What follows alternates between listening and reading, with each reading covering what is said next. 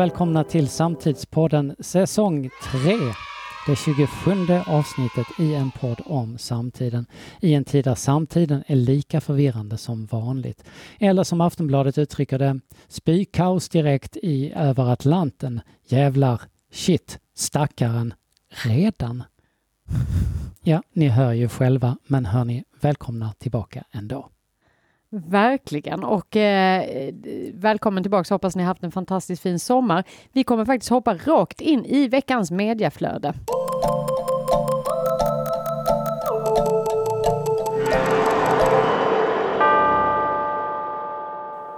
Och medieflödet präglas såklart av utvecklingen i Afghanistan och just nu så väntar vi på att talibanerna ska tillkännage en ny regering. Landet går ner i en fullständig humanitär kris medan krisen för Biden bara växer sig större. I USA så går Republikanerna vidare med sin nedmontering av demokratin genom att stifta lagar som gör det svårare att rösta. Och DN skriver efter valet 2020 har Texas, precis som 17 andra stater som är republikanskt styrda, satsat på nya begränsningar kring valen.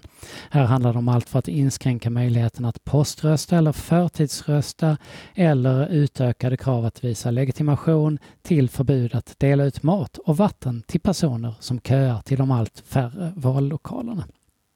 Här hemma i Sverige på samma område så presenterade Centerpartiet i veckan en rad förslag för att skydda den svenska grundlagen mot snabba förändringar. Och partiet vill också stärka svenska domstolars oberoende, rapporterar Aftonbladet. Annie Lööf motiverar förslagen med att auktoritära partier som får makten kan genomföra förändringar som får demokratin att urholkas. Hon kräver bland annat att det ska eh, krävas två tredjedels majoritet av rösterna i riksdagen för att man ska få ändra i grundlagen. Med detta så går vi in i en ny höst och hösten är ju alltid problematiskt mm. ur coronaperspektiv. Vi ser att samtliga som vårdas på IVA just nu i södra delen av Sverige är helt ovaccinerade. Och det här är extra problematiskt bland invandrargrupper i utsatta områden.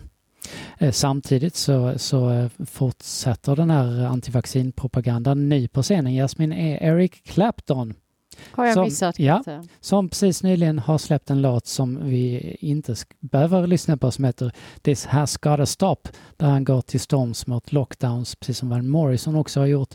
Och i intervjuer så spär han då på det här med, genom att kalla vaccinationsinformation för propaganda och berättar då eh, ömkande hur mm, sjuk han själv har blivit och hur han blev lurad av propagandan.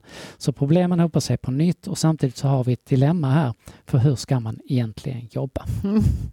På bussarna här i Skåne står det vaccinera dig, så kan du kramas, vaccinera dig, kan du festa, du kan träffa människor. Och samtidigt som många arbetsplatser inte släpper tillbaka folk till kontoren även om de är vaccinerade.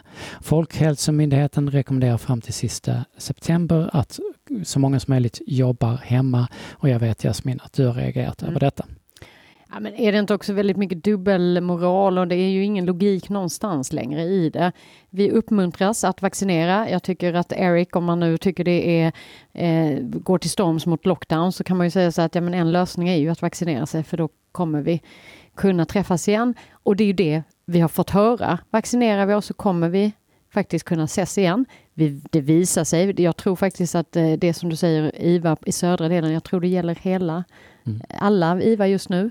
Sen är, kan man ju bli sjuk. Alltså vi får inte glömma det. Jag tror också det blir en jäkla blandning av att eh, några tror att man inte blir sjuk fastän när man har vaccinerat sig. Det kan man bli. Däremot så är det väldigt liten sannolikhet att du blir så sjuk att du blir inlagd på sjukhus och framförallt, du kommer inte sannolikt inte hamna på IVA. Eh, undantag finns ju alltid. Då. Så okej, okay, så det har vi ändå sett. Vi har sett bevis på att det här funkar. Vi kan, eh, liksom, de som är vaccinerade blir mindre mottagliga mot eh, svår sjukdom. Vi vaccinerar inte för att alla ska bli eh, smittfria helt och hållet. Det, det har aldrig någon sagt. Då. Men vi har ju, hela poängen har ju varit att detta ska eh, bereda väg för ett mer normaliserat eh, eh, leverne igen. Och vi som då eh, jobbar med den här typen av både fysiska möten men också har ett behov av att träffa eller få kunder, restaurang, hotell, vad, vad du nu har. Eh, det här är ju en nyckel för att vi ska kunna liksom återgå till normal affärsverksamhet. Samtidigt som de här stora offentliga aktörerna som ber oss vaccinera oss just med motiveringen att vi ska göra det för att få träffas, säger till sina egna att ni får inte träffas. Jag fattar inte. Någon måste förklara mig var, var, logiken i detta ligger. Jag vet, jag hörde någon privat aktör som går ut och säger eh, alla som är vaccinerade och inte har några symptom är tillbaka till jobbet. Det resonemanget är väl inte jättesvårt att förstå. Varför har vi det här, denna dubbelmoral just nu och den eh, fullkomligt ologiska eh, retorik? Man, man, man, en sak som jag tycker man gradvis har blivit sämre på har varit kommunikation. Mm. Um, och jag kan förstå i många skäl för man är väldigt hårt ansatt mm. liksom från, från olika håll. Men den här typen av, av, av förklarande, hur tänker vi? Den var man faktiskt mycket bättre på i början. Ja. Och nu är man ju såklart helt jag gissar att alla som jobbar på, på de här myndigheterna är ju helt överarbetade. Ja, ja. Med, med, men där är en viktig samhällsuppgift mm, mm. Som, som man kanske tappar lite grann just nu i, i förklaringen. För att här hittar jag ingen jag hittar ingen resonemang kring det som Nej. förklarar den stora bilden. Och den är ju också eh, i ögonfallande när man ser att samma aktörer är med och bidrar till stora konferenser där det fysiskt får vara jättemånga människor. Eh, vi har ett grannland som släpper fullkomligt på restriktionerna om tio dagar. Eh, alltså det är inte längre en samhällsfarlig sjukdom och eh, vi, vi, kan säkert ha massa diskussioner om det, men där är inte längre någon logik i vårt sätt att hantera detta.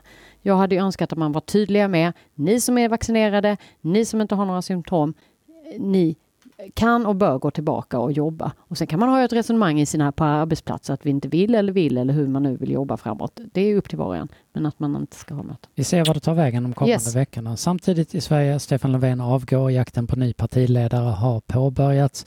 Eh, många blickar riktas just nu mot Magdalena Andersson och samtidigt så visar debatten kring de kanske mindre lämpade vad som pågår i samhällsdiskussionen i stort. Vi ska återkomma till detta, men Jasmin, vem tror du blir ny ja, men partiledare? Jag tror ändå, jag lutar mycket åt Magdalena av massa skäl.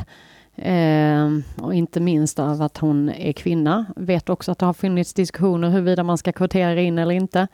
Jag tror eh, det, det, ligger, hon, hon har, eh, och sen har hon ju ganska många andra fördelar också. Jag tror att det blir hon. Intressant är ju alltid, tycker jag, när, när Socialdemokraterna ska välja ny partiledare så blir det alltid en, en, en eh, reflektion bakåt. Mm. När andra partier väljer så blir det oftast en reflektion framåt, det vill säga så vart ska vi ta eller hur ska vi hindra våra sjunkande siffror? Här kommer ju alltid en, en liksom vad gör vi av vårt arv? Vad, var våra mm. rötter egentligen? Här har vi kändisen Jan Emanuel Johansson, som du säkert känner till, som gärna vill bli partiledare. En av de första att hålla upp den flaggan det är intressant, det är kanske inte det här att han vill bli det, för han kommer ju såklart inte bli det, utan att han bara är ännu en av raden offentliga personer som lyfter Per Albin Hansson och folkhemmet, vilket stort sett alla partier på mm. högersidan har gjort där. I Aftonbladet skriver Jan Emanuel så här. Per Albin visade att folkhemmet var för alla som hyste genuin vilja att vara med och bidra till Sverige. Och eh, eh, vi har berört det här i en tidigare podd tidigare med folkhemmet. Jag syftade även då till Olle Svenning i Aftonbladet 2016 så skriver han då att, att eh, det finns ett historiskt spöke i opportunismen och populismen i Sverige och det spöket är folkhemmet. Han skriver ett av de eländiga arv vi har släpat med oss. Exkluderande, självförhärligande och med en tillsats av Blut und Boden ideologi. Ord och inga visor här. Folkhemmet, det är Per Albin Hanssons skapelse eh, Olle Svenning skriver begripligt i hans tid uttryckt som en kontrast till fåtalets ekonomiska diktatur. Men ingen intellektuell socialdemokratiska ledare eh, ur Per Albins generation skulle komma på idén mm. att föra vidare folkhemstanken. Ernst Wigforss föraktade den, Tage Erlander citerade aldrig begreppet Ingen av dem tänkte högt om, om Per Albin som, som tänkare. Det skrevs aldrig in i något socialdemokratiskt program, men grävdes upp av Olle Svennings ord, nationalromantikern Göran Persson mm -hmm. som mhm. myntade ett grönt folkhem. Det var hans bidrag till den politiska idéhistorien. Idag är folkhemmet en relik från en tid som i all sin vidrighet kan upprepa sig. Mm. Folkhemmet måste därför begravas. Och då tänkte jag så, men var kommer det här egentligen ifrån? mm. folkhemmet. Och det, det har funnits i svenskan sedan 1800-talet, mm. ordet. Och eh, i tidningen Språk så tar Maria Arnstad upp det här och skriver 2015 att när det kommer in så var det inte politiskt, det var inte metaforiskt heller, det var helt konkret. Folkhemmet det var alltså ett hus, det var en benämning på en faktisk byggnad dit folk, mm. allmänheten, fick filt, eh, fritt eh, tillträde till litteratur och samtal kunskapshöjande. Och eh, det var liksom för de fattiga, de mindre bemedlande. Första, en av de första eh, fanns i, i Stockholm. Eh, man tänkte också att det här skulle vara fridlyst från alla partistrider. Och intressant nog så vacklade Per Albin Hansson då själv på begreppet. Och i den här artikeln i tidningen Språk så säger Henrik Björk som är professor i idé och lärdomshistoria att till sin 50-årsdag 1935 så gav Per Albin Hansson ut en volym med tal och uppsatser som Mina samlade bäst av Per Albin. Och där hade han strykit hälften av det här berömda riksdagsanförandet. Bland annat där slutordet att klassamhället måste avlösas av folkhemmet. Det tog han bort liksom.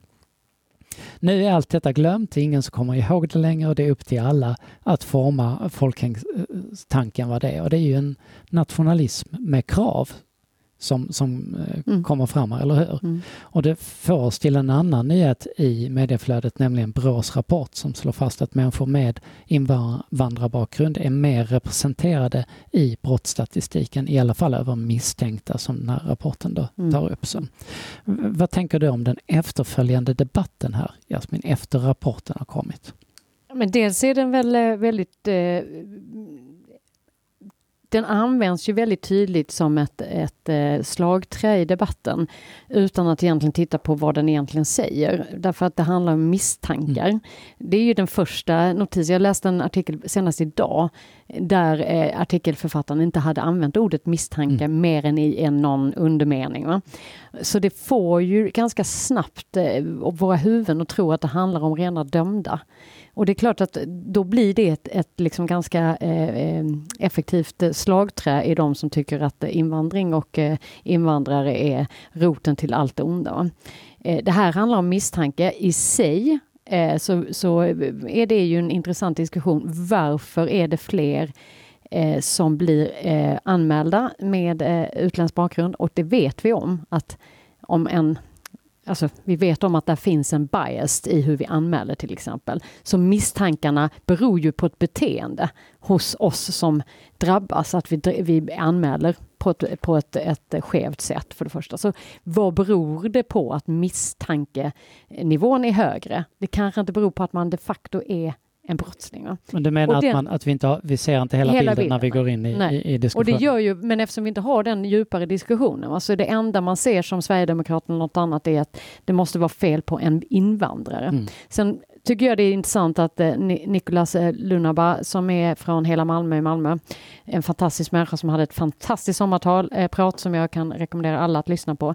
Han menar ju på mycket på eh, hur att, att eh, många gånger när man hamnar i den här i brottslighet eller vad det nu kan vara, så beror det ju på andra saker. Det är klass, det är utanförskap och det, är, det i sig har ju inte med att du är invandrare eller inte att göra, utan det är ju ett problem i hur, hur liksom samhället är uppbyggt just nu och var vi lägger krut och resurser och hjälp. Va?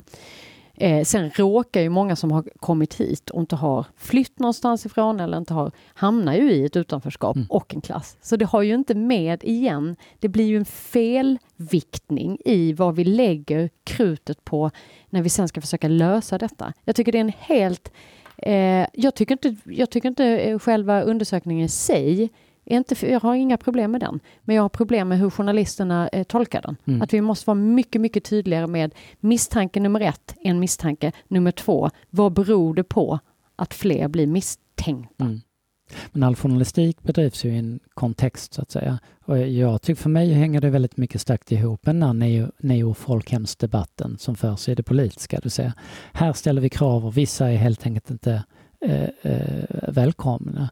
Det är klart att ju, det blir också självspelande piano för att ju mer vi går åt det här hållet i våra tankar desto mindre får ju chanser får ju folk med annan etni, etnicitet att få ett jobb, det. att komma in i mm. samhället mm. och då får vi ju Och bli mycket mer misstänkliggjorda liksom. igen liksom. Och man hade ju inte kunnat tänka sig eh, en eh, artikel idag i en stor tidning som säger att det här handlar om klass. Mm.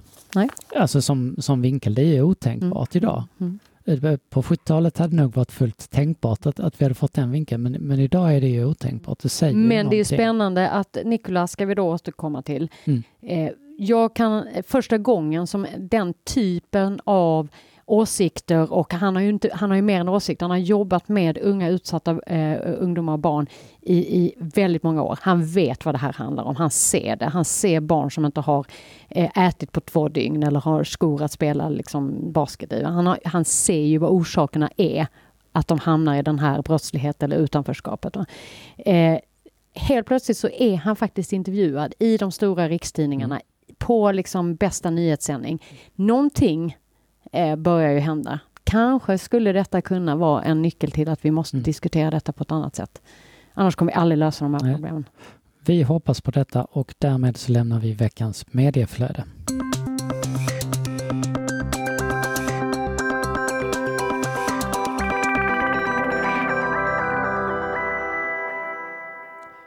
Och nu går vi in i veckans huvudämne som är COP. Och COP det är det internationella klimatmötet som kommer att hållas i höst efter att ha blivit flyttat på grund av pandemin. Och det hålls i en tid där IPCC-rapporten gett en alarmerande signal till oss alla. Att hörni, det här, ja det går ännu mer åt pipan än ni kanske trodde. Och med oss nu har vi Jonas Klevhag som är vår kollega och som jobbar med vårt projekt The Bridge. Och Bridge eh, fokuserar på att hitta vägar framåt för att lösa de stora klimatfrågorna en bit i tagen. Välkommen Jonas! Tack! Ja, vi måste förstå vad klimatreporterna betyder. Vi måste förstå vad COP-mötet betyder. Det är er ingång här i den här hösten och ni har en plan för att se till att det här också händer. Berätta Jonas, vad är det som planeras? Ja, men det är som du säger att vi, det är inte första gången som vi får sådana här larmrapporter och vi får klart för oss att det är värre än vad vi trodde. Men det är komplexa frågor och vi behöver förstå dem på, eh, på riktigt och kanske göra det mer tillgängligt. Så det är eh, anledningen till att vi i höst gör Bridge Talks, en serie Bridge Talks to COP26 kallar vi dem. Nio stycken eh, lunchkonversationer som, eh, som syftar till att eh, både förklara vad IPCCs rapport faktiskt innebär, men kanske framförallt ta fasta på vad COP-förhandlingarna, det globala klimatarbetet, får för konsekvenser för, för olika utsläppssektorer. Det låter komplicerat kanske, men för vårt energisystem, för vårt transportsystem, för vardagen, för arbetsvillkoren för, för vanliga människor.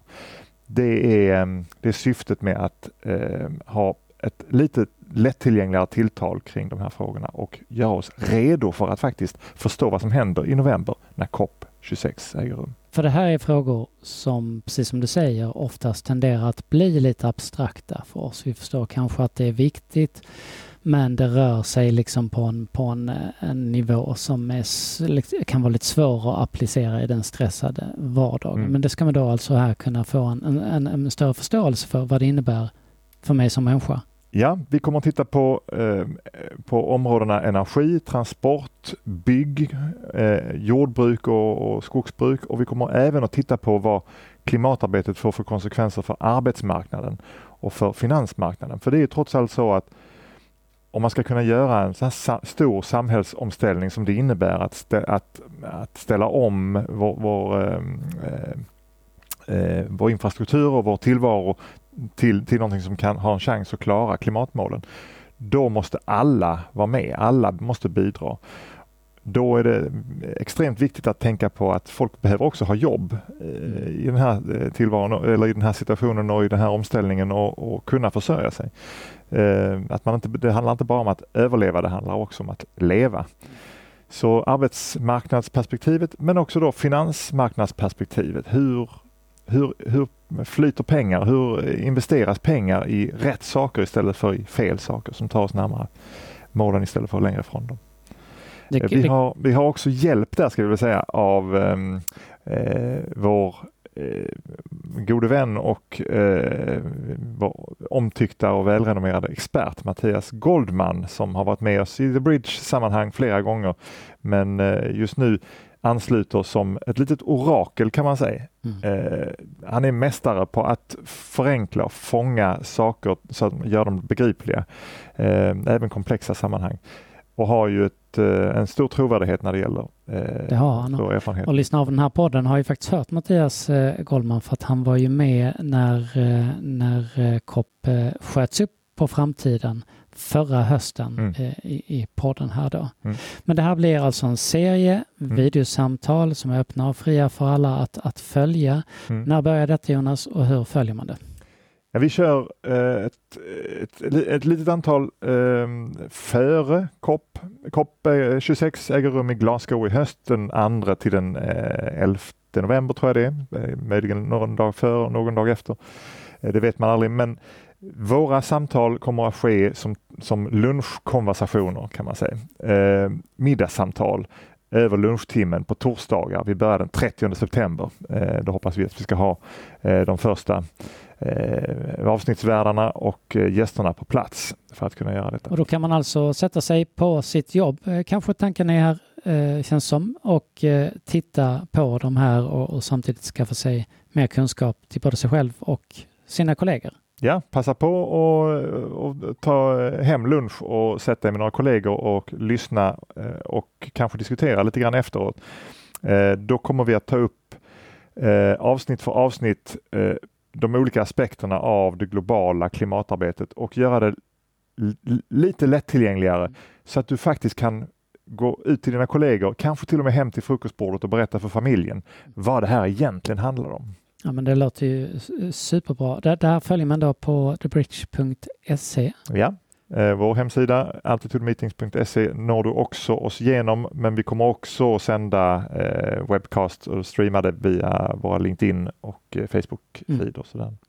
Så, så vi har Bridge-gänget, vi har vår ciceron Mattias Goldman. Eh, vilka andra typer av gäster är det vi kommer ha, ha med i de här konversationerna? Vi pratar just nu om att hitta eh, en avsnittsvärld till varje avsnitt och, och sätter eh, teman och vässar dem lite grann. Så just nu pratar vi med eh, de större svenska bolagen inom transport, energi, bygg. Ni kan själva fundera vilka det kan mm. vara.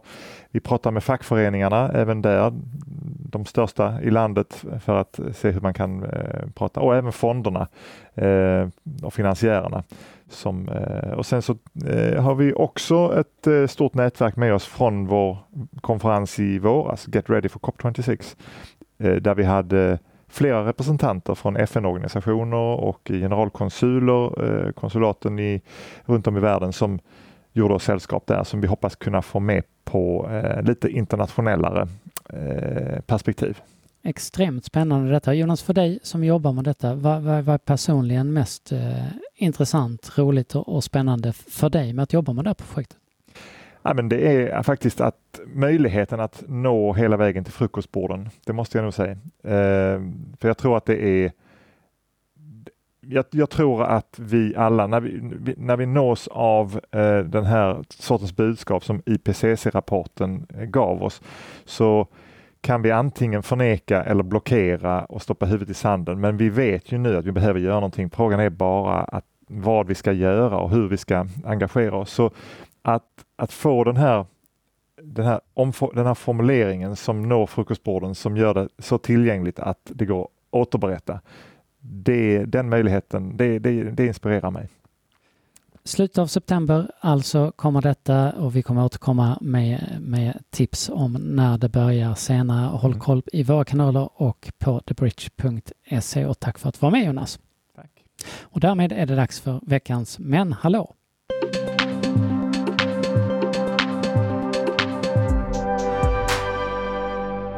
Och här är vi alltså i Japan på Fuji-Q Highland Park, ett nöjesfält där det finns en berg och som heter Do Dodumpa. Det låter ju väldigt, väldigt eh, fint.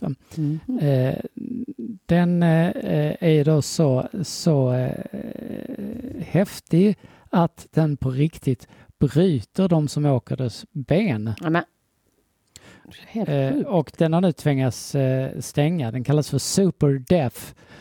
Och när man, men folk åkte då, då så, så eh, accelererar den så snabbt att, att benen på de som åkte det faktiskt gång på gång bröts av Ja, och men gick i tur. Herregud. Vad tycker du om berg och dalbanor? Nej, men eh, den här kommer jag ju aldrig åka. Och i så här i grunden så tycker jag ju det är ganska kul. Men eh, Vilken är det den funkar värsta? Vilken är den ja, men jag kan inte åka det. Alltså punkt. Därför att jag, jag mår så illa Ja, efteråt. vilken är att det jag? Ditt- ja, men det är ju sådana här som går upp och ner. Har du och, åkt sån? Har du varit upp och ner? Nej, jag har inte varit upp och ner. Nej. Nej. Det räcker ju med att jag åker någon, någon sån här liten. Och sen så ska jag säga att de är mindre läskiga än, eh, än de här som går runt, runt, runt, runt och gärna som såna här små tefat som går Ja, runt ja, i rundan, i, i rund.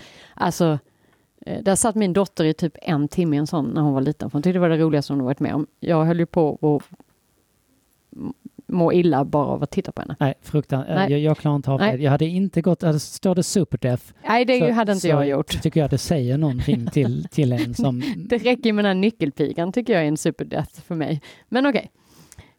Vi lämnar superdef eh, eh, berg och dalbanor och eh, säger att det är ju fredagen den 3 september. Och i den här dagen idag, 1783, så eh, blir USA erkänd som självständig stat.